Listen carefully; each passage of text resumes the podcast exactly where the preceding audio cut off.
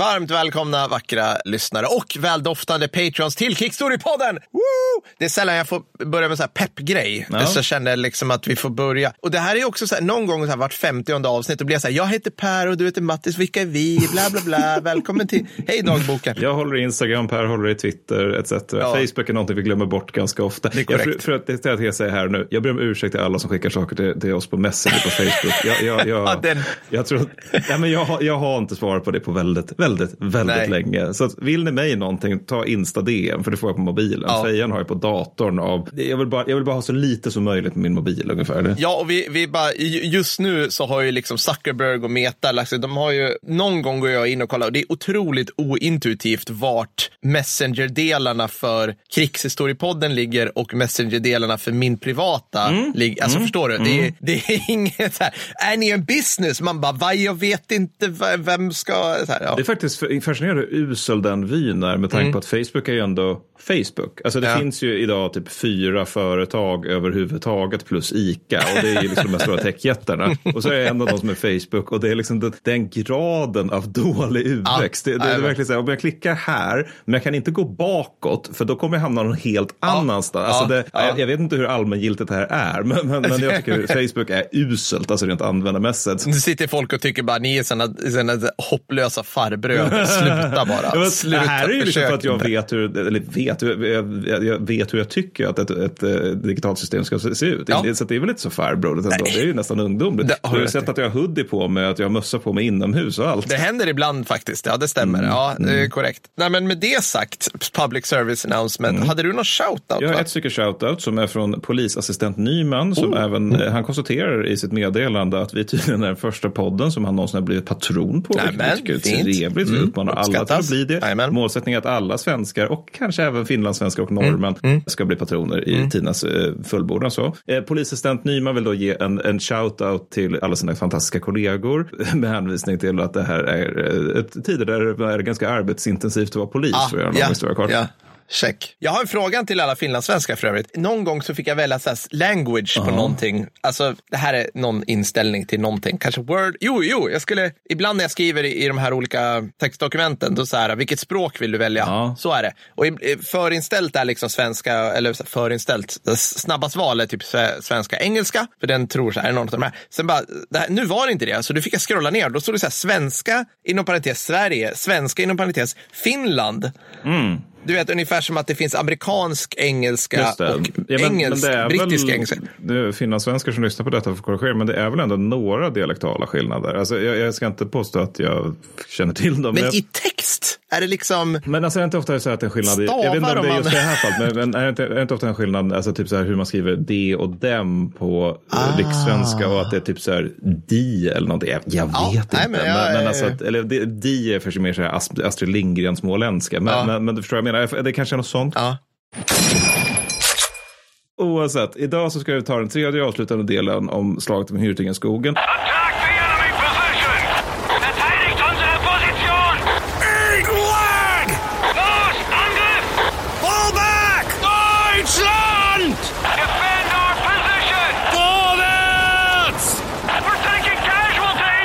jag vet inte, alltså tidigare när vi har beskrivit slag så har vi beskrivit liksom mycket mer om hur trupperna rör sig. Ja. Men det gjorde jag liksom i slutet av första Ja. delen. Och det finns inte riktigt poäng med att göra det till något så här, den här divisionen gick dit, den divisionen Nej. höll där. För att de rör sig inte så där jättemycket och det är mer intressant att titta på liksom hur fungerar organisationerna som är i den här skogen. Och det vi ska prata om idag, hur var det i den skogen? Ja. Och jag kan avslöja Ja. att det var suboptimalt och det är det vi ska beskriva. Suboptimalt. Det var faktiskt jättetråkigt i den här skogen. Och det, någonting som är, men alltså något, tecken på det, för det är någonting jag slagits av, det är att typ alla amerikanska böcker som handlar om Hürtigenskogen heter någonting i stil med Hürtigen Hell.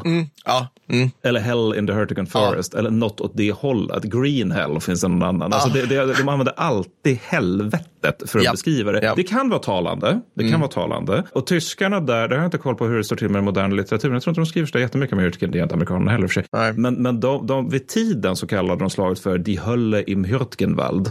Det vill säga helvetet i bestämd form i Hyrtgenskogen. Mm. Så att, att de är liksom helt eniga i den här frågan att det var helvetet. Ja. Det, det är nog, det säger kanske någonting. Ja. För de, de är också, alltså, när man, man liksom går från historiografin till knäktarna i, i den här förfärliga barrskogen så är det liksom att nå, någonting annat de känner uppgivenhet eller enighet om det är den totala känslan av uppgivenhet. Mm. Alltså att amerikanerna de upplever att de inte kommer någon vart och bara dör hela tiden. Mm. Och tyskarna upplever att de hela tiden trycks bakåt och bara dör hela tiden. Jajamensan.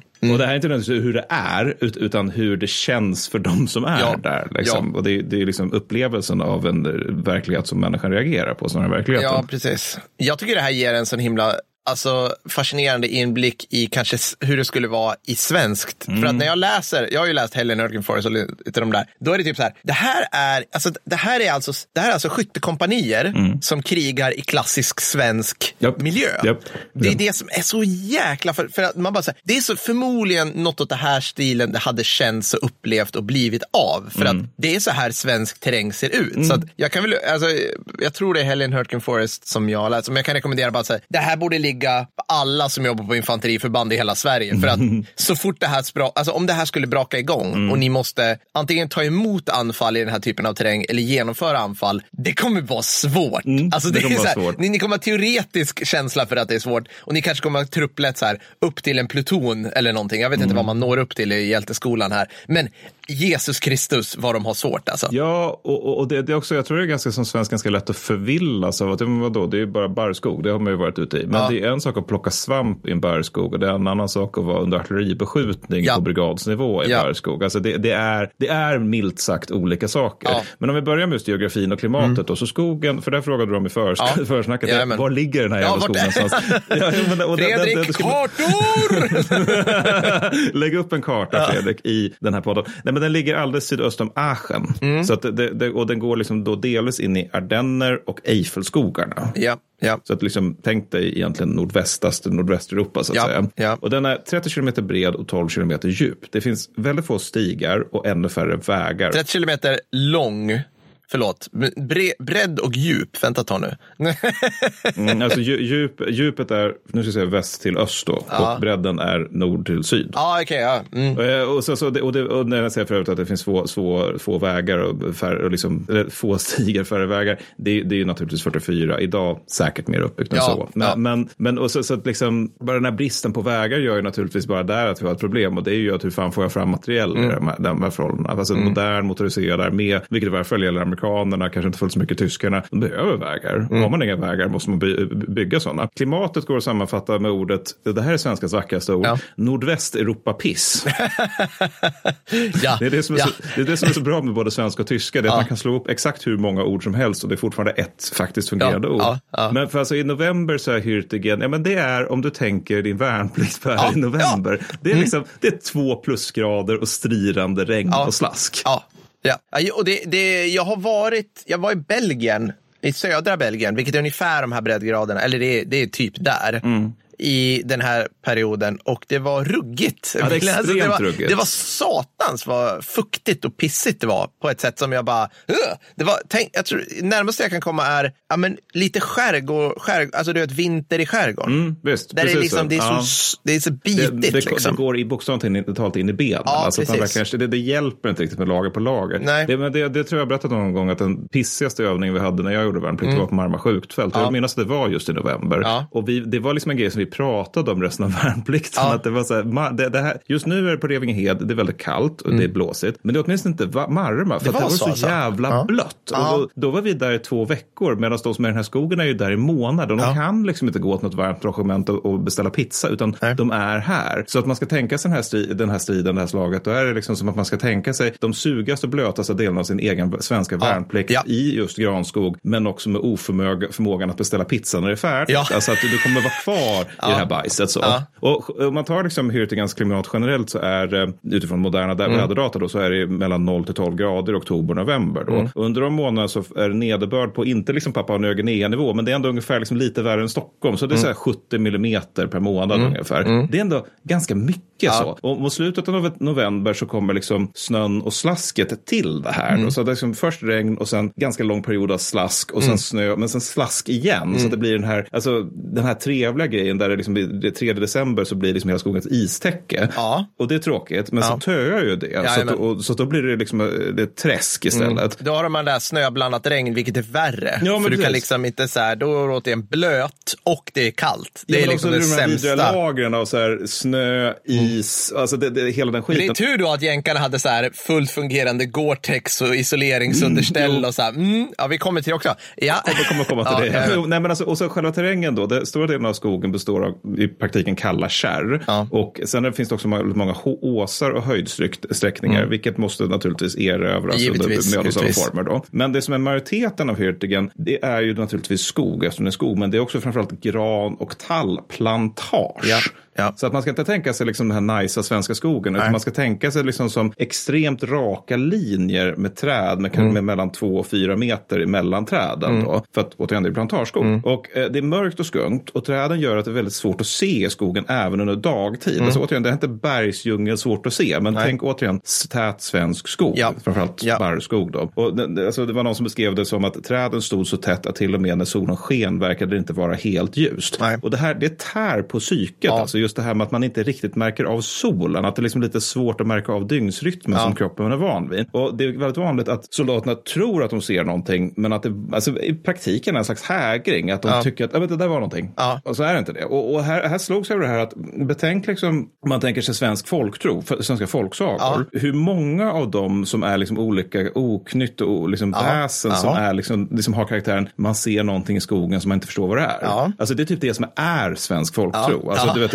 irrbloss, skogsrån, alltså saker i den stilen. Och det beror väl då på att folk på länge sedan tiden satt ute i skogen, just såg någonting och tänkte att det där måste vara Ja. något övernaturligt. Och själva verkar det bara någon skugga eller någon gren eller någonting. Vi kommer till det också angående utmattning. Ja, mm. Ja, men det, jag tänker att det ställer till det för hjärnan. Du, får jag bara får jag lägga till till terrängen, rätta mig om jag fel Mattis, men visst var det så att, att de- de hade många eldlednings, alltså äh, inte eldledningsgator, vad är firebreaks, alltså brand, förlåt, brandgator. Ja, jag kommer till dem. Ja, du kommer till dem. Ja, Okej. Mm. ja. För det, det jag kommer att tänka på det också. Nej, för, för bara sista grejen när det gäller det här med, med hur, vad man ser och så vidare, det är att på nätterna helt jävla beckmörkt. Ja, såklart. Och så har du kompakt molntäcke, så det är noll, det är noll måne eller stjärnljus överhuvudtaget. Nej. Ja, Mm. ja men exakt så. Och amerikanerna, de, de, alltså tyskarna också, men framförallt amerikanerna beskrivs som väldigt ovana vid det här. Mm. Och, det, och det är också väldigt tätt mellan träden, så gör att det, det är liksom svårt att till exempel kasta handgranater nattetid, eftersom de ju faktiskt kan studsa mot träd. Ja. Och det blir liksom inget bra för Nej. Mm. avsändaren då. Men det du nämnde, brandgator, det finns det ganska gott om. Och det är ju jättebra för en försvarande styrka, för de blir nu liksom väldigt bra skottfält för Jajamän. HSB.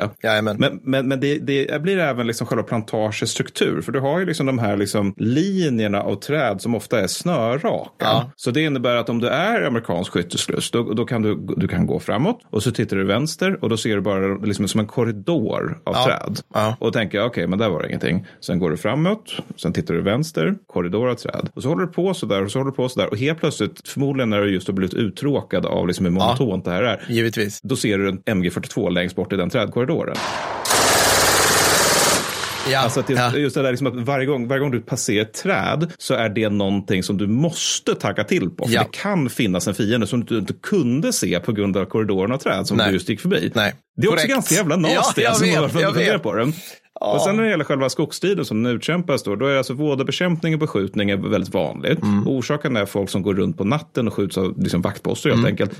Och även artilleri och GRK som eldreglerar utifrån feeling. Det här, det här gör båda sidorna Mm. Ja. då, att de bara, men där någonstans och sen så blir det vå- vådabekämpning då. Sen så är det också generellt, som sagt, generellt dålig sikt och väldigt stor desorientering. Och det, men det här försvåras väldigt mycket av träden fuckar, fuckar upp de stridandes förmåga att använda radio. Mm. Så det liksom blir svårt att kommunicera mellan förbanden. Det finns naturligtvis telefonledningar, men de huggs ju av, av artillerield hela tiden. Jajamän. Då finns det då rapportkarar, men de dör som flugor. Så det, liksom, det gör liksom att få, för, för, förband och soldater blir väldigt ensamma Ja, på det här slagfältet. Det är väldigt svårt att kommunicera med varandra. Och det är ju det är ju ett klassiskt signum när vi börjar så här kora de pissigaste st- slagen att vara med i. Mm. Det är liksom att, att förband blir isolerade. Den här, det händer ju, ex, alltså så här, jag, får, jag kommer tänka på så här, Gallipoli, Papua Nya Guinea, you name it. Liksom. Där det blir så här, sö- sönderdelning, det blir plutonchefens krig på sin Precis. höjd. Det är i det här fallet. Ja, och så det är ju också vanligt att folk bara går bort från sina grupper. Ja, ja. Alltså att de- helt enkelt tappar bort sig. Och det, det måste ju också vara en väldigt, jag menar, det, det, det är ganska obehagligt att gå vilse i en barrskog. Alltså man, man känner sig väldigt ensam i det ögonblicket. Jag har gjort det någon gång när jag var liten, men så blev vi hittade ganska snabbt. Men det, liksom, det var ju så här fem minuter, men det var ju vedervärdigt. Men Ja, alltså ja. om, man, om man går bort sig under ett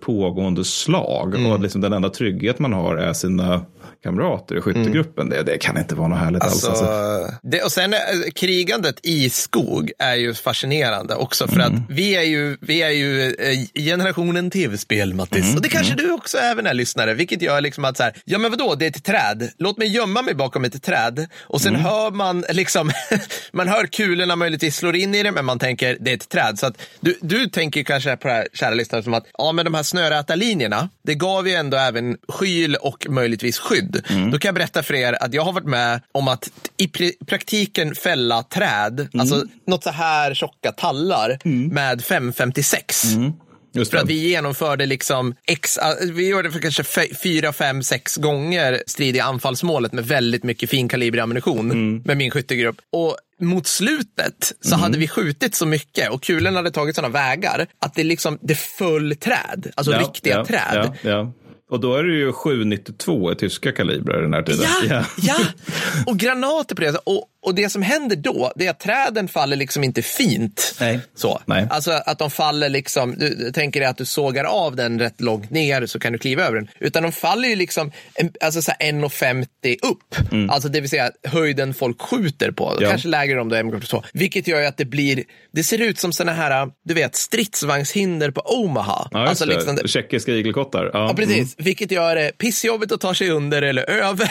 Alltså, här, Ja, jag, det- jag är glad det att du nämnde just träd, för jag tänkte Ja. beskriva det här med, med, att, eh, med just träd i förhållande till att det finns väldigt mycket indirekt eld. Mycket bra, va? mycket bra. Det vill för, vi höra om. Ja, ja, ja. men för artilleri och GRK har ju alltså ungefär dubbelt så god verkan bland, i den här skogen än vad de har ute på fältet. Och det är för att luftbrisader, vilket båda eh, sidor liksom gör sig skyldiga till, eller använder i stor omfattning, det leder till fullkomliga stormar av träsplitter som ju naturligtvis, det är ju ett sekundärsplitter, det slår in i soldaterna Ja. under då. Oh ja. Och det här drabbar tydligen, enligt en amerikansk författare jag läste, men jag tror faktiskt det kan stämma, det drabbar amerikanerna värre än tyskarna för att de är ofta, ofta är ute i det öppna. Mm. Medan tyskarna, eh, de, har- eh, de försvarar, de hänger ofta i värn eller bunkrar Ja, eller liknande, så att de har oftare att de har något skydd över sig. Men, men så amerikanerna får liksom lära sig via väldigt hård erfarenhet att man ska, man ska liksom huka vid ett träd för att få skydd från ovan. Man ska liksom inte vara ute och springa mellan träden, man ska huka sig under trädet specifikt okej. Mm. då. Och jag frågade då eh, att köttmekaniker på Insta Ja. och en läkarbekant då, Ja. om det här med träsplätter. De beskrev det som att det är vad de kallar för små flechetter Ja. fast av träd. Och flechetter är ju, alltså det, det är ju, det, ja, nej, och det, det är inte nog så, det är nog inte så liksom, säkert att det dödar, men det skapar väldigt stor skada och oreda. Alltså de beskrev det som att det blir, det blir väldigt många infektionshål som man måste täppa igen då, vilket leder till att väldigt stora resurser måste ägnas åt det här specifika skadefallet. Jajamän. Och det är också väldigt stor risk att trädet för med sig en massa jord och bakterier Ja. Skit för att jag bara tittar på en Det är ett fucking ungefär. träd. Ja, Ja, men det är precis. ett träd. Alltså, det är Ja, liksom, det, är det är liksom rådjur, det är rådjur har pissat på det här i 4000 år. Ja, Liksom. ja. Så, så trä, det är liksom inte själva trädet i sig som är problemet, utan det är snarare att det leder till som väldigt mycket mer splitter i luften. Att Ja. det, det är liksom lite grann som i Sons, att det var liksom stensplitter som var ett problem utöver granatsplitter. Ja. Och skadorna som, som, uppstår här har beskrivits av en historiker som att de liksom inte riktigt påminner om hur man tänker sig skador som är liksom associerade till modern krigföring, utan det är mer som ett gammalt sjöslag. Liksom. Ja, just det. Alltså, precis. du, vet, du har, du så har. Trafalgar, man skjuter på fartyg med rundskott. Liksom. Ja. Då blir det just det här liksom, att rundskottet sliter upp en bit av fartyget Ja. och sen så är det en storm av träsplitter som sköljer över de som står bakom. Ja. Eh,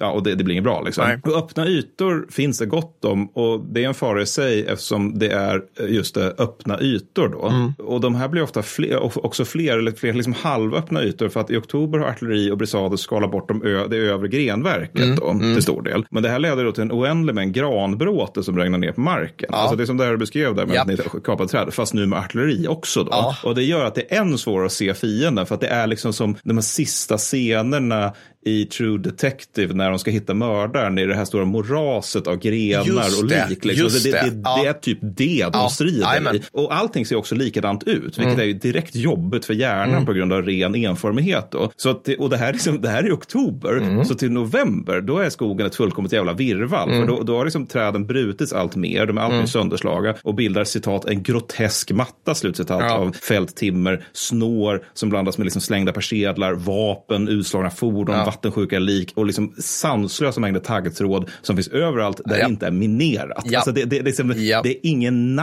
alltså jag tror bara se det här det är nog någonting man skulle bli lite lätt prillig Men av. jag tänker ibland liksom på också eh, just att stridandet där, det är inte bara, ska man säga, det är inte bara träsplitter Mm. och vanligt splitter från artillerigranater som beter sig totalt slumpmässigt. Eller liksom, utan skjuter du även, jag ber- berättade att vi fällde träd. Mm. Försvarsmakten jobbar med någonting som heter Q Mm-hmm. och det är ungefär avvikelsemöjligheter på, på projektiler. nu, Mm, det. drar jag till, Mm, nu vrider sig alla övningsledare här. Men det är något sånt. Och det man fick lära sig då var det så här att om du, om du inte har plåtkoll på din kulbana när du skjuter, utan du träffar någonting, då kan den här vika av och träffa en kompis. Det är. Just det, ja, din mm. kula kan vika av. I träd så råder Q1000, vilket betyder att så här, du råkar skjuta i en gran Ja. 50 meter framför dig.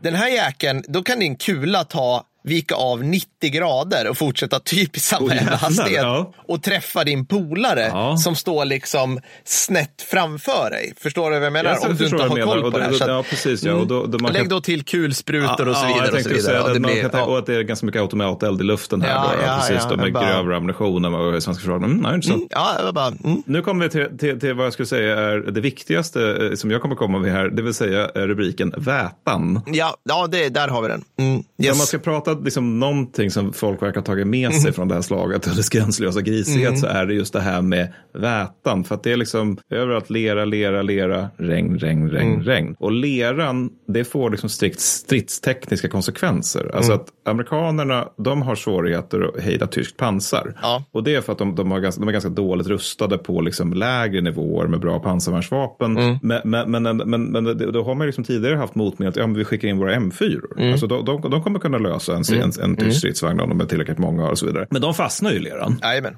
Så Ja. då har vi liksom, eh, liksom Sergeant Bob då som får försöka lösa ut det här själv utan liksom att de har, jag har ingen Panzerfaust. Vi får se Nej. hur det här går. Vi Ja. har bazooka. Jo, men det fixar inte. Det är liksom svårt med en tiger för den. Ja. De har överrockar, men de blir liksom tunga då av, le, av regn och lera. Så att det Mm. gör det väldigt svårt att gå i dem. Så att liksom, utöver stridsutrustning som är tungt som det är så, så blir de liksom tyngre av bara sina kläder. Ja. Och leran är också viktig för någonting vi har varit inne och berört. Det här med att moralen är väldigt usel bland de amerikanska förbanden. I första delen av det här så beskrev vi liksom amerikanska förband rakt av flyr. Vilket är, återigen, det, det är inte så vanligt det händer, Mm. Nej. att man läser beskrivningar av det under andra världskriget. Men, men, men alltså, just leran bidrar väldigt mycket till det. För att alltså, i november då är det liksom så allt vanligt att, att soldater bara kollapsar i gråt helt enkelt. Mm. För att de inte orkar mer. Och ett exempel på ungefär hur leret är, det är att man efter ett tag inser att ingenjörssoldater som är ute och röjer i all den här bråten då som man strider i, de måste till deras vadarstövlar.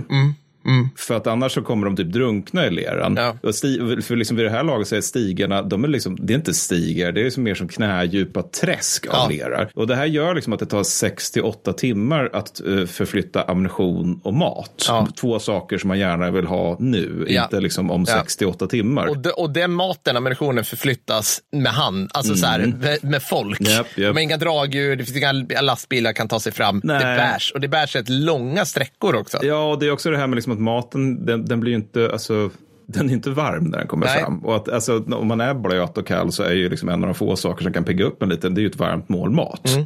Men det är inte aktuellt för det mesta. Då. Mm. Så att liksom, det, resultatet är att liksom, när folk kommer ut ur skogen, när de blir avlösta, då är de helt gula. Mm. Och det är för att de är liksom helt täckta av ett tjockt gult lager av, av lera just då. Mm. Och Man har också ganska otillräckliga motmedel mot det här. För att under det tidiga kriget så är tyska uniformer gjorda av 85 procent ylle.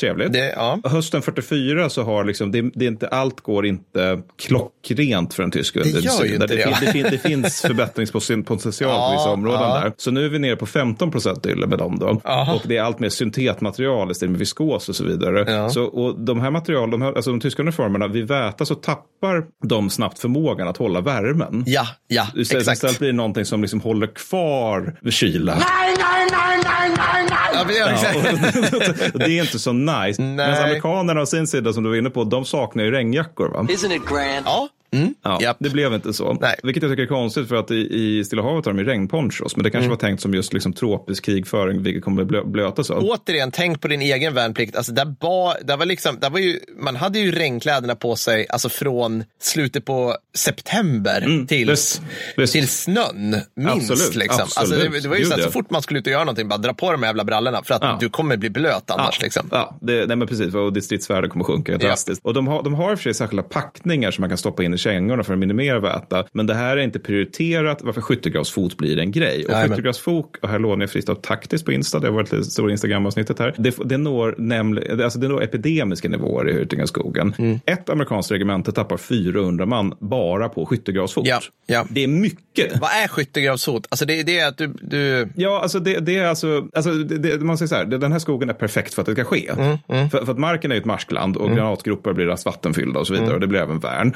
Och det, dessutom så är det också då 0 till 15 plusgrader och det, det är som de, de, soldaterna kan inte riktigt byta, alltså varken kängor eller strumpor Nej. så ofta som de borde göra. Så skyttegravsfot upp, uppstår efter 10-14 timmar av fukt och kyla på fötterna då. Mm. Och det det är då, det är smärta, svampiga, svullna, vita fötter. Och det det, det gör då, det, det, det är liksom att fötterna får syrebrist i praktiken. Ja. Och det här leder, eh, leder till en ökad risk för infektioner och det här fina ordet vävnadsstöd via tryckskador. Åh, Så att, eh, ja. ja. Alltså, det finns bilder som ni kan googla på skyttegravsfot. på egen risk. Ja, det är på egen risk. För det, det ser liksom ut mer som, alltså är det riktigt illa så ser det verkligen ut, alltså om det är bara milda fall då, antar jag då, så, så är de liksom vita och lite svampiga. Så Det ser ut som att de badat lite för länge. Men är det riktigt illa, det, så det finns eh, bilder från första världskriget där det, är liksom, det ser ut som spetälska. Ja. Liksom, det ser ut som att fötterna har ruttnat, ruttnat av nästan. Men sen har vi även det här med att regnet får också stridstekniska och mentala konsekvenser. För att granruskarna är ju tunga av regn Ja. naturligtvis. Marken är sank och tänkt av barr och mossa. Och värnen blir väldigt snabbt plasta, plaskdammar. Så soldaterna är nedkylda och huttrande. Mm. De har extremt, och de har extremt, extremt svårt för att hålla sig torra. Mm. Och regnen växer så kraftigt att bäckar förvandlas till floder. Mm. Så att liksom det blir svårare att liksom navigera över slagfältet Mm. bara för att det regnar så jävla mycket. Och i åttonde infanteridivisionen, alltså den åttonde amerikanska infant- infanteridivision, är en bataljon i 121 infanteriregementet. Den är liksom efter ett tag inte längre fysiskt kapabel till anfall på grund av regnet. Nej. Alltså att Nej. deras vapenrockar, de är för tunga Ja. på grund av att de är splöta. Så de Ja. har kastat dem, men då blir de ju kyliga, nedkylda istället. Ja. Och, de ska, och då skulle man kunna använda dem för någonting annat, men då är problemet att deras fingrar är ganska snabbt så pass köldskadade för att de inte har några vettiga handskar. Ja. Så att de liksom får hjälpa varandra för att ladda sina vapen. Jesus alltså att jag har Christ. en hand som fungerar och du har en hand som fungerar. Ja, en, en hand per grupp Ja, har vi men nu. typ så. Ja. så. Så om vi slår ihop Ja. två grupper har vi två händer och då kan vi ladda Åh. en ämnet per round. Liksom. Så i december så är köldskadorna skadorna ett akut problem för båda sidor. Mm. Och tyskarna beskriver hur de liksom hitt, allt oftare vid det laget hittar folk i sina värn som är döda av utmattning helt enkelt. Och bara för att avsluta liksom lite snabbt, så, eller lite slappt, men bara för att avsluta liksom den här, ska vi säga, kakafonin av mental press som är Mm. Hürtingaskogen så tänkte jag bara snabbt beskriva lukt och ljud. Mm. För så om man ska tänka sig hur de har dem så är inte det oviktiga aspekter. Nej. Alltså det, det är ju... Grandoft, Mattis, det är något man säljer. Jag har haft, jag har haft den här, uh, vad heter det, skäggvax. Mm. Skägg och mustaschvax. Det doftade tall. Så här. Tyckte Elsa om. Ja, jag jag antar att så Hürtgen-veteraner använder inte det. Mm, Nej, det tror inte jag heller. Eh, det, det har nog nej. dåliga associationer. Nej, men det, ja. där, tror jag- det där tror jag faktiskt är någonting som, är på någonting, någonting som man ganska lätt glömmer när man läser om eller beskriver krig. Att just det här med lukt och ljud är ju någonting som finns exakt hela tiden. Och så, så, som, man, som är liksom bara en del av en upplevelse som är kanske liksom lite svår att sätta finger på när man upplever det, men som ändå är där hela tiden. jag menar? Och när det gäller ljudet då, då är det liksom, alltså dels är det ett konstant pitterpatter, pitterpatter, pitterpatter av regn på hjälmar och vegetation. Och även det här är jobbet för psyket, Ja. för det blir liksom aldrig riktigt tyst. Alltså Nej. till och med när artilleriet inte, inte är igång så blir det inte tyst, för att det regnar hela tiden. Men jag tänker också att det måste ju vara den här, uh, du, du har ju den här scenen i uh, The Pacific som kändes lite inkastad bara tyckte jag. Men där, där är en snubbe, någon officer som tar livet av sig.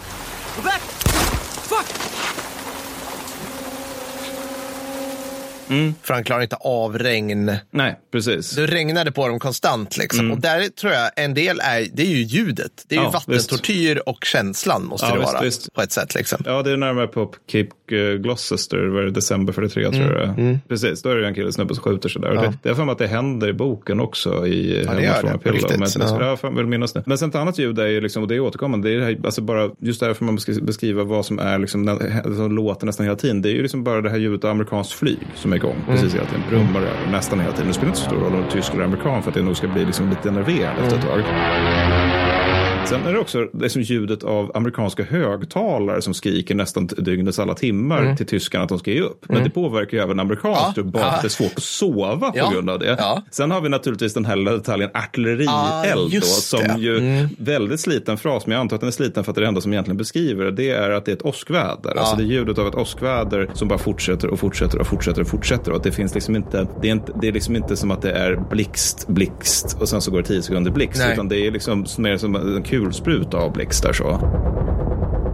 Mm. Och det, här, det är också det här, det här är intressant att det leder till liksom en nästan konstant vibration i marken. Så att du ligger i det här marsklandet och du känner liksom hela tiden hur marken skakar lite grann. Och det här blir liksom, vid större bombardemang går det just från vibrationer till just skakningar naturligtvis. Och inte minst när de är nära. Sen när det gäller lukt, det är, liksom, det, det är lite speciellt att hela landskapet luktar av, av bränntorv. Och det är för att civilbefolkningen i och kring Hürtigen använder torv för att vär- värma upp sina hus. Så hela landskapet luktar av det ja, ja. naturligtvis då, för att de har gjort det här i århundraden. Ja, ja. Och det här är liksom en slags bränd, tung lukt. Då. Men till november så får man ju också addera liksom lukten av bränt trä, men även ruttnande lik. För att det här med berga stupade var inte aktuellt Nej. under de här förhållanden. Nej. Så att det luktar piss i skogen. Och sen så tidvis är det också det här lite väldigt suggestiva ljuset som lyser upp slagfältet. Och Det är liksom ljus, liksom dansande ljus som är mellan träden från brinnande hus eller stridsvagnar. Så att det här liksom, det, det är på något sätt som att vara i en väldigt blodtörstig sagoskog. Det här Ja. Skulle man kunna beskriva det Ja, som. precis. Ja.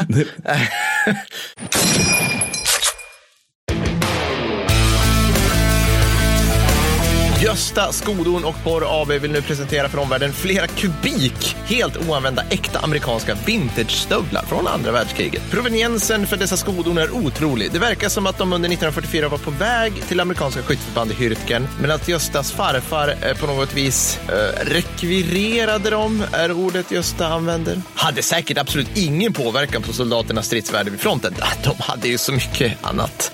Mattis, visst har du fyra par hemma som du spanserar runt med i din bekväma mellanklasstillvaro? Jajamän. Ja, ni hör. Lägg beslag på något riktigt autentiskt nu.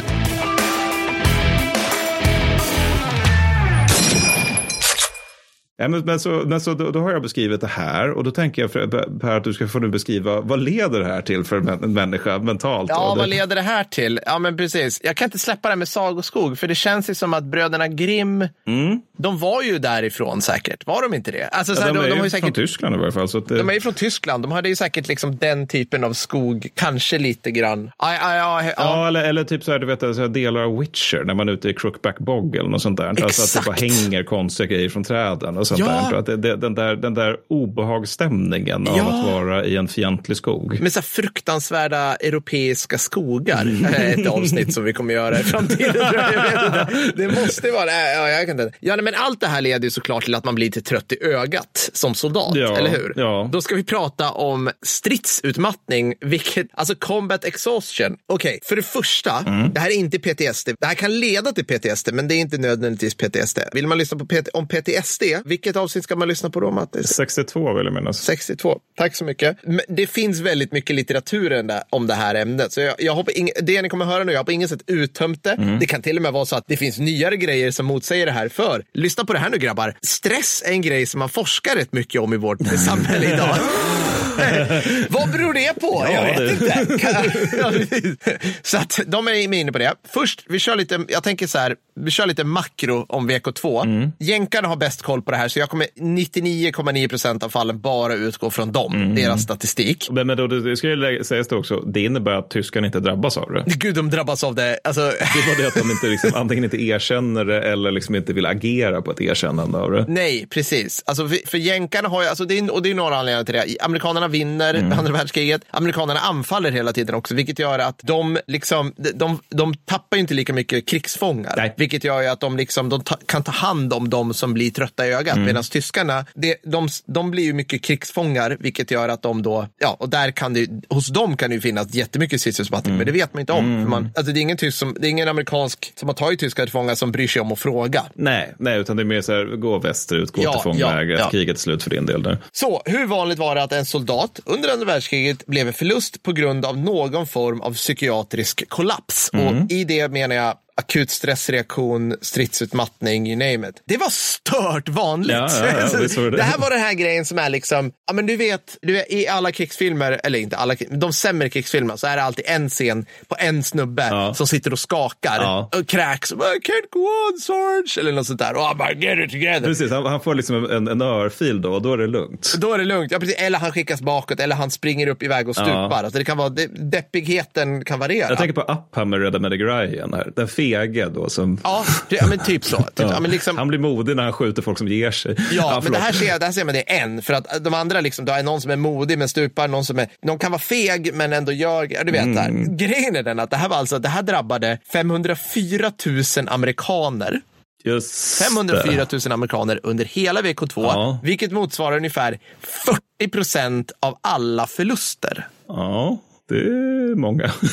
Det är jätte, jätte, jättemånga. Alltså 504 000 amerikaner. Det är alltså, det är, alltså det är fler än vad som var insatt Italien drar jag. Nej, kanske Ja, inte. Men, det, men det, är så här, det, det är ju mer än, va- det är ju mer än Malmös befolkning. Ja, ja, ja, det är jätte, jättemånga soldater. Det här är, och amerikanerna bryr sig om det här för att det här är ju enorma effekter på, det, alltså på hur väl, snabbt och bra de vinner krig. Om de överhuvudtaget gör det. Man ska dock veta att det här var inte jämnt fördelat. Det verkar ha varit värst i Europa och allra värst där vi pratar om nu, mm. Västeuropa. 65 procent av de tillfrågade soldaterna, om man frågade dem direkt efter krigsslutet, säger att de haft åtminstone ett tillfälle där de känt sig citat, inkapabla att genomföra sina uppgifter på grund av extrem rädsla. Betänk nu att det här är alltså män på 40-talet som precis har vunnit ett världskrig som ändå erkänner det här för andra män som de inte känner. Alltså intervju Just det, just det. Och det, det, det också är liksom enligt Dan Carlin toughness-generationen som inte känner den här typen av obehagskänslor och som inte blir ledsna i ögat när de har varit i krig och så. Exakt. Ba, ba, bär Ja, den ja, lilla yes, faktan med ja. er. Alltså det här är, ja, framför allt då, precis som vi sa nu, individerna eh, har varit i strid längre än i andra krigsskådeplatser. Så att det var alltså inte, hur ska man säga, det var vanligare i Europa än i Stilla havet. Det betyder inte att det var softare i Stilla havet. Nej, nej, nej, nej. Alltså Okinawa är ju, Exakt. där är ju liksom typ så här, det är ju tiotusentals som bara stänger ner då. Ja, ja. Men, men, och det är det här grejen med liksom Stilla havet, det var det att vi ska inte, vi ska inte ligga det här, Fredrik får klippa det här om vi märker, men, men det, är inte, det är en intressant jämförelse för att i Europa så kliver du i land, om du var skyttebasse, du kliver i land 6 juni eh, 1944, sen krigar du tills du antingen blir en förlust eller du, har, du vinner kriget. Ja, Du, ja. du liksom bajonettar Hitler i Berlin. Nein, nein, nein, nein, nein, nein! Du är i skiten hela tiden. Du ska alltså inte titta på Band of Brothers Nej, för att få en nej, korrekt bild av nej. kriget i Nordvästeuropa. Så ska jag säga. För att de dyker upp, pangar lite, okej, okay. nu blev det lite jobbigt. Vi drar tillbaka till England. Och nu ska vi hoppa. Alltså, de, har- de, Deras krig är snarare som Stilla havet. Mm. Det vill säga så här, man anfaller en ö och det är pissjobbigt när man är där. Man håller på någon månad, sen drar man sig ur och sen åker man båt väldigt länge. Eller hänger på någon annan fredlig ö. Och man kan bearbeta upp- upplevelsen med sina kamrater Exakt. som man litar på och så vidare. Men, men det kanske också är därför Okinawa, liksom, där går ju liksom psykiatriska förluster, de går genom taket. Men det kanske också bland annat är för att det är så, ja, men, alltså, det är så långt. Alltså, det, det. det, håller Ja. ju på från första april till någon gång i juni. Liksom. Ja. Alltså, det, så de kan ju inte åka Nej. båt, de kan inte vara på guddarna för att hänga runt. Liksom. Det här måste ju varit en chock för mari- amerikanska marinkåren. För alltså, de tar ju, inte bara marinkåren, men på Okinawa så lider amerikanerna 26 000 psykiatriska förluster. Ja, det är ganska mycket. Jesus, alltså, ja. Det är typ två divisioner Ja. som slås ut. Ja. Och det är ju inte, det är liksom inte hela divisioner, utan det är skyttedelarna Mm. som bara... Alltså, ja, hur- okej.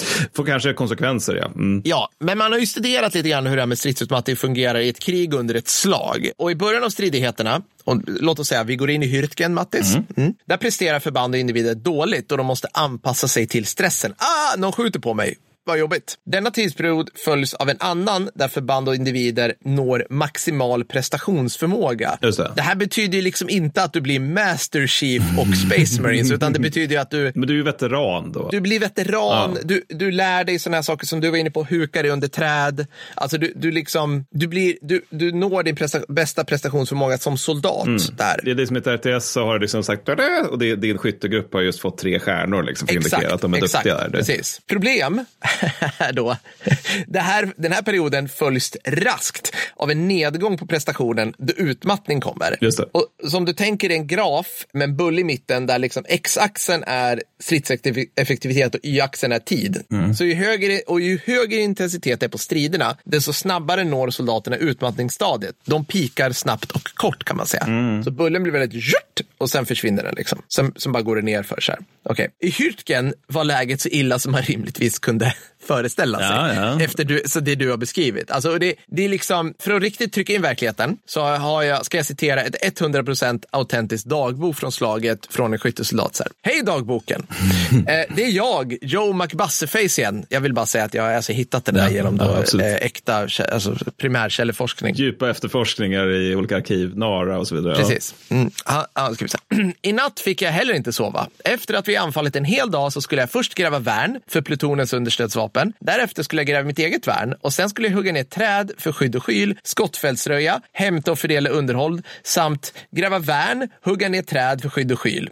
Ja. Lite till. Ja. Mm. Vid midnatt hade jag kommit hem från patrullen som jag sen skulle genomföra, genomfrusen och våt och fick sova, inom citationstecken, sittandes i mitt leriga värn i en timme innan jag väcktes för att stå post. Den timmen fylldes av mardrömmar och bilder av de lemlästade kroppar jag sett under dagen. So, no news där, liksom. Nej, nej. Dagens outfit, kära dagbok, var genomblöta kängor klädda in i förhärdad lera och till det valde jag en lika genomblöt uniform med för kort jacka.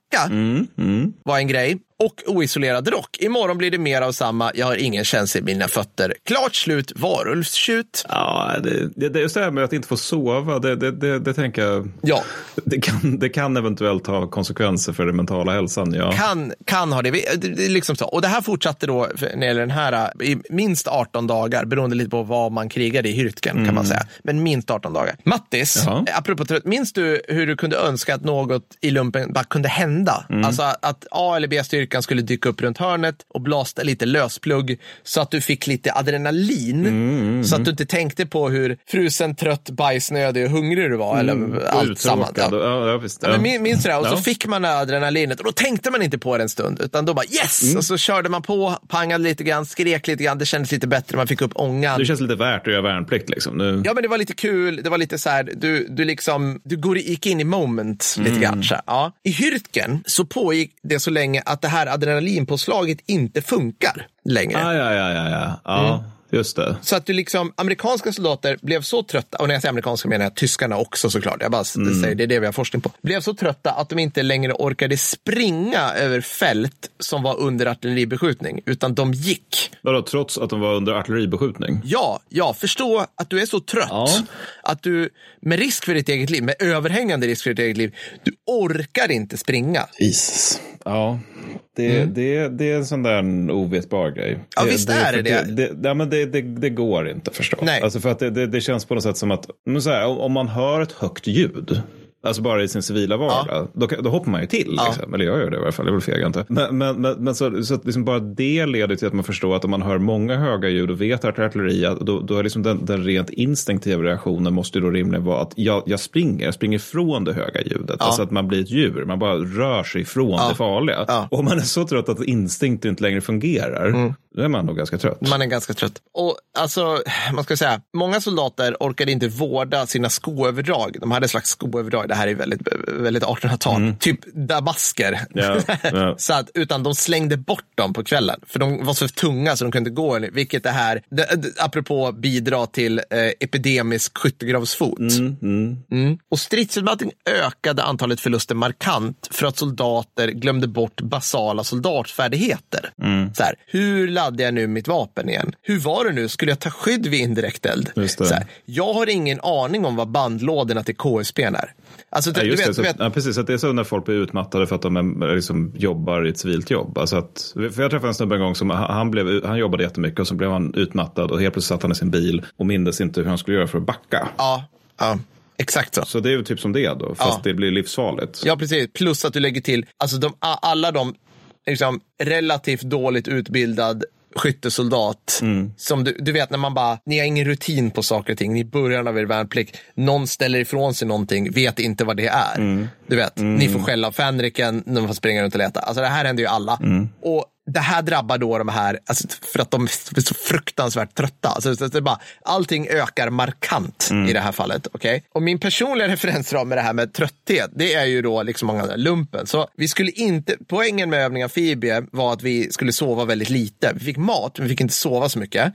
Det här gjorde att redan andra natten så sprang det runt vargar i skogen när vi var ute under ett marschpass. Alltså man, man börjar Ja, hallucinera ja, direkt. Mm. Visst, visst. Ja. Det tar ett dygn utan sömn, sen börjar du liksom hallucinera. Du kan vara medveten om det, men det kan ändå vara lite obehagligt. Mm, liksom så. Okej. Sen minns jag inte skitmycket annat än att folk, när vi stannade så somnade folk runt mig och jag själv förmodligen. Mm. Alltså direkt, var man än satt. Och det här är i Hürtgen också. Så fort folk stannade upp, då somnade de. Mm. De, gjorde, de kunde ibland inte göra, alltså ta, ja, men ta skydd liksom. Och det är liksom också bara, det är bara- det är en liten grej, men också det här med hur vidrigt det är att somna på det sättet och sen vakna. Ja, ja. Alltså att man, man känner sig inte alls utvilad. Man Nej. känner sig lite lätt illamående. Man känner sig kallare än vad man gjorde Ja, innan. Alltså ja. det, det, det, det är inte alls behagligt. Liksom. Alltså bara en sån liten pissgrej. du, har, du har typ inte återhämtat någonting egentligen. nej, utan, nej, du har kanske blivit tröttare till och med. Nej, precis. och vi, vi avslutade, vi, jag för mig vi började avslutande ö, ö, övningen, alltså övningen Fibie, som är typ fem sex dagar, med vattenpass då. Vi skulle klädsim och då fick man gå in, man fick vara inomhus, vilket var nice, Mhm. i en bassäng. Och då satt vi på bassängkanten så här. Och då fick vi liksom, jag, fick, jag minns att jag satt och slog på mina patrullkamrater på var sida om mig. Jaha. För att alla somnade hela tiden. För du sitter, alltså, du satt, så, här, satt vi Aha, hela tiden. ja. Och de slog säkert på mig också, för annars skulle de ha blivit, instruktörerna skulle blivit arga. Liksom. Men så trött var man. Alltså, det går liksom inte att du, du så här somnar så här liksom, hela tiden. Och vilka drabbas då? Ja, alltså undersökningen efter kriget visar att stridsutmattning märktes först hos de som hade kognitiva uppgifter inom armén på nivå gruppchef. Ja, det här är inte det. jättekonstigt. Nej, men nej. För de, de var både tvungna att tänka taktiskt och flera steg framåt i hur de skulle leda sin grupp eller om, omgång. Mm. Okej? Till skillnad mot skyttebassarna, det de, de hade under sig. Och de var tvungna att dela alla deras umbäranden. Mm. Till skillnad mot plutoncheferna. Så det är, liksom, det är en perfekt storm för de här individerna. Exakt, och de har också den där kombinationen av stort ansvar med väldigt lite kontroll. För de har Exakt. ju ingen makt egentligen. De Nej. är ju fan gruppchefer. Så, Liksom. De, så den här bitterheten blandat med stolthet som jag bar som gruppchef back in the days känns nu helt förbannat befogad. Vill jag bara lägga Ja, till. ja. Men Underbart att få ett kvitto på det. Liksom. Okej, förlåt. Nu, nu kommer vi till Hürtgen basic, jag Mm. lovar. Ja, så för det första så fanns det ingenstans i, i Hürtgenskogen som någon soldat på ändra sidan kunde få återhämta, som du var inne på. Mm. För alla utsattes överallt av dagliga äh, artilleriangrepp. Alltså båda sidor hade rätt mycket ammunition på den här tiden. Mm. På den här tiden då. Så, och, även om dessa, inte var, dessa artilleriangrepp inte var på, på Verdun-nivå så skedde de över tid, vilket gjorde att ingen någonsin slappnade av inom några mil ifrån fronten. Så det var även liksom regementshögkvarteren och sådana här saker och ting var utsatta. liksom. Precis, och även om du kanske får vila liksom bara lite grann någon kilometer bakom fronten så hör du ju fortfarande skiten. Ja, precis. Och vi, sen har vi pratat om de här månghundraprocentiga förlusterna som framförallt skytteförbanden, eh, kompanier och bataljonerna tog. Och i ett skede av Hürtgenslaget tyckte amerikanska arméledningen att de skickade ut då en order till alla fältsjukhus bakom fronten att ni måste skriva ut fler patienter för fronttjänstgöring. Just det. Det är ett tecken när amerikanerna gör så. Ja, det, ja. Det, det, då är det dåligt. Då är det väldigt dåligt. Så, och det som hände då är att extremt mörk, extremt mörk kreativitet tog vid. Mhm. En psykiatriker samlade ihop 200 av sina patienter i ett stort tält. Ställ er här grabbar. Mm, gå in här nu. Alla de här var liksom ut- stridsutmattning, shellshock, you name it. Sen såg han till att en lastbil baktände utanför tältduken. Mm. Ett här boom, du vet. den- De som inte kastade sig i skydd skrev han ut som krigsdugliga. Fy fan vilket piss. Alltså, han borde ju ställas inför rätta och Mm. skjutas den jäveln. Lydde han order? Ja. Ja, jo. Fick han ut så? Alltså, så här, han lydde jag- bara jag- order i ett försvar Nej, som nej, brukar nej, men funka du har, bra. ja, så det- du har rätt. Du har rätt. Alltså, jag kan bara liksom bara, man läser det här, så, det, det enda jag kan tänka är krig är tråkigt. Ja, det är riktigt jävla piss. Alltså, Ja. stridsutmattning kom i två valörer under Hürtgen och det första drabbade nyanlända och framförallt sådana som upplevde att de hade en för kass utbildning eller kände sig dåligt integrerade i sitt förband. Det här är Upham i Saving Private Ryan. Det här är de här, det är new guy. Det är liksom alla de här, men, ja, jag ska bli skrivmaskins, jag är utbildad till stavassistent. Nej, du ska här i en KSB. Ah, Vem är du? Du är arg på mig. Alltså, plutonen, Vietnam-känsla liksom. Okay. Den andra typen, den var vanlig, var vanlig drabbade veteraner som var inne på sin fjärde inom utropstecken, månad av kontinuerliga stridsoperationer. Håll det här i huvudet Ja. nu. För faktiskt var det så att i till exempel an- 72 22 skytteregementet så dök det upp väldigt få fall av stridsutmattning. Faktiskt. Man, alltså, här, vi har ju sagt att ja, men det här måste drabba alla. Jo, men under, så under 18 dagar av strid blev bara 7 procent av regementets första bataljon, som exempel, psykiatriska förluster. Succé! Ja, det är ju avsevärt lägre än snittet. Ja, visst. What gives? Jo, för att förlusterna, andra typer av förluster, var så höga Ja, ja. bland fyra månader plus-veteranerna Ja, att de inte hann bli förluster. Nej, just det. De har inte blivit psykiatriska förluster för de blir stridsförluster istället. De blir av med Exakt. ben istället. Exakt!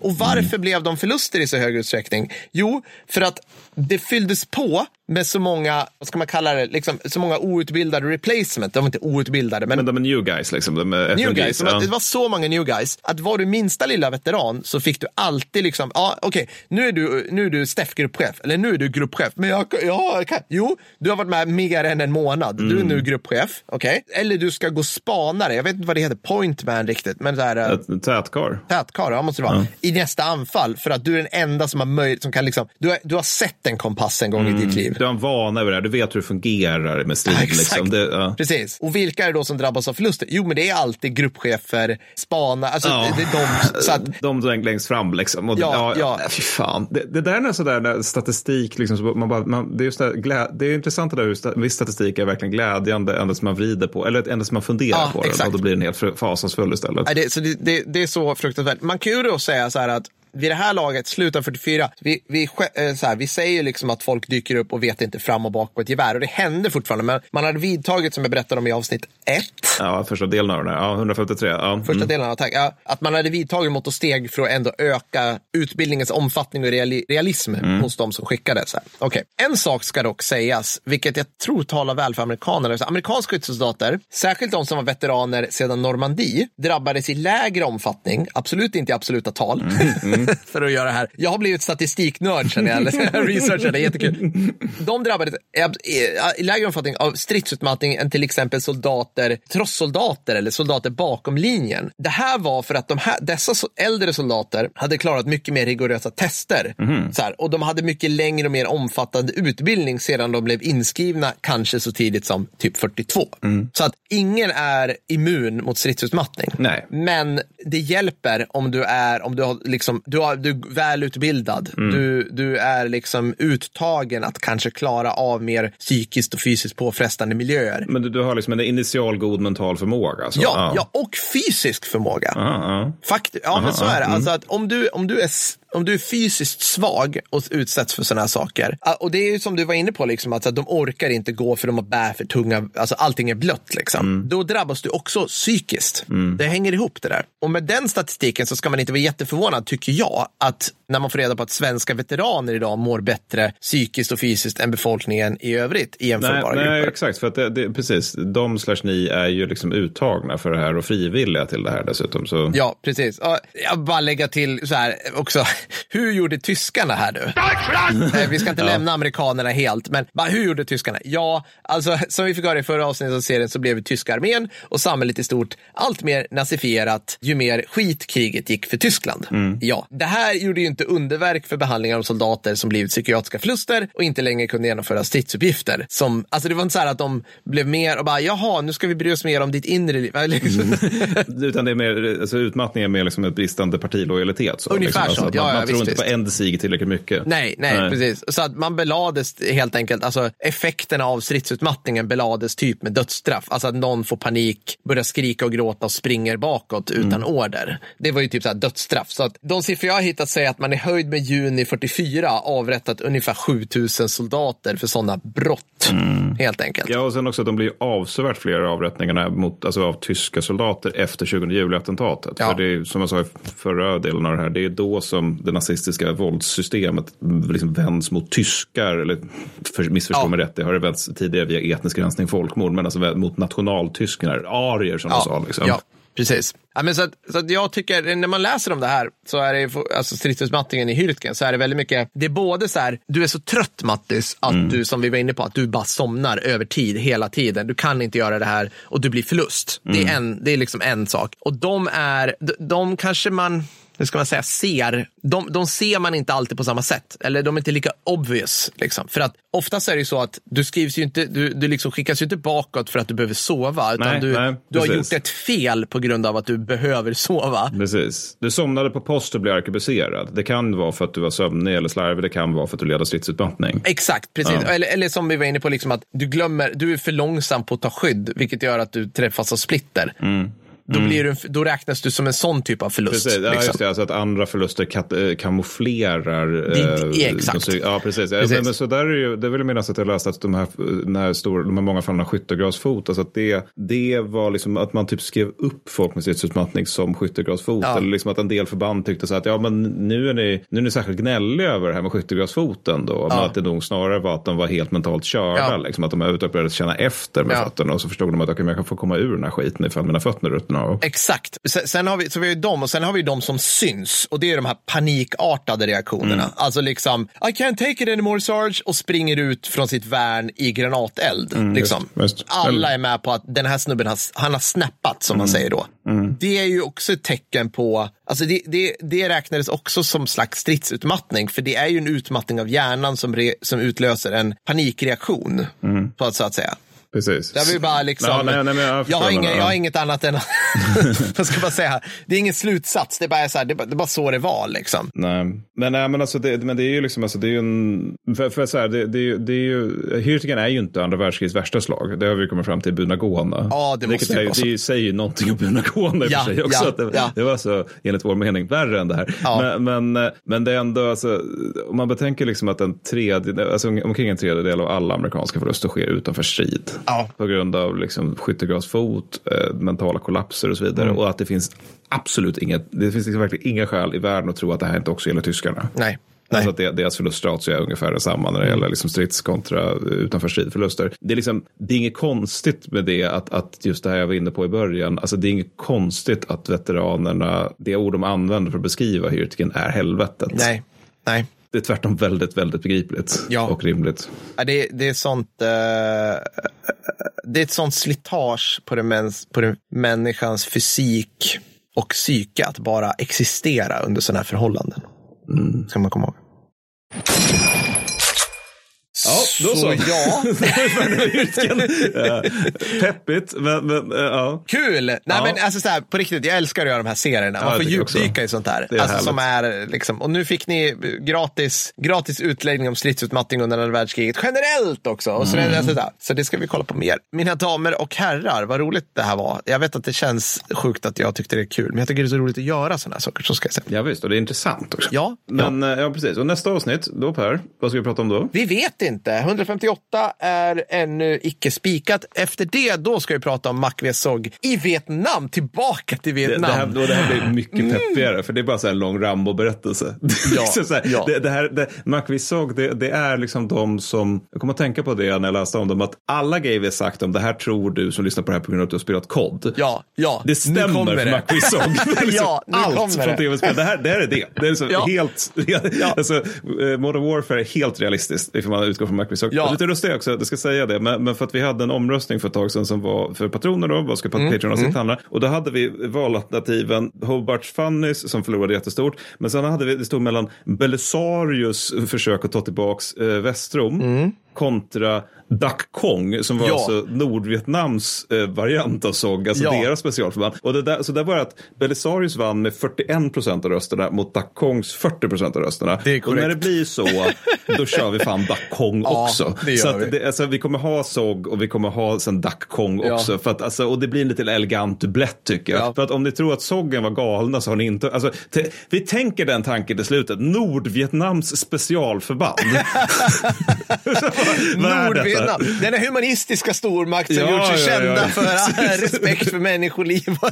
Gud, ja, gud, Nej, det kommer bli helt underbart. Men det ser jag fram emot. Och eh, hörni, för Mm. er som, nu vet inte jag riktigt när det släpps, men just nu har jag, Mattis och Fredrik, vi är inne på, på när vi firar alla vinster i Guldpodden. Då var det jättekul att träffa er. Nej, men hörni, Mm. Ja. ha en eh, fortsatt fantastisk dag. Så Ja. hörs vi sen. Simma lugnt. Hej då! Hej då.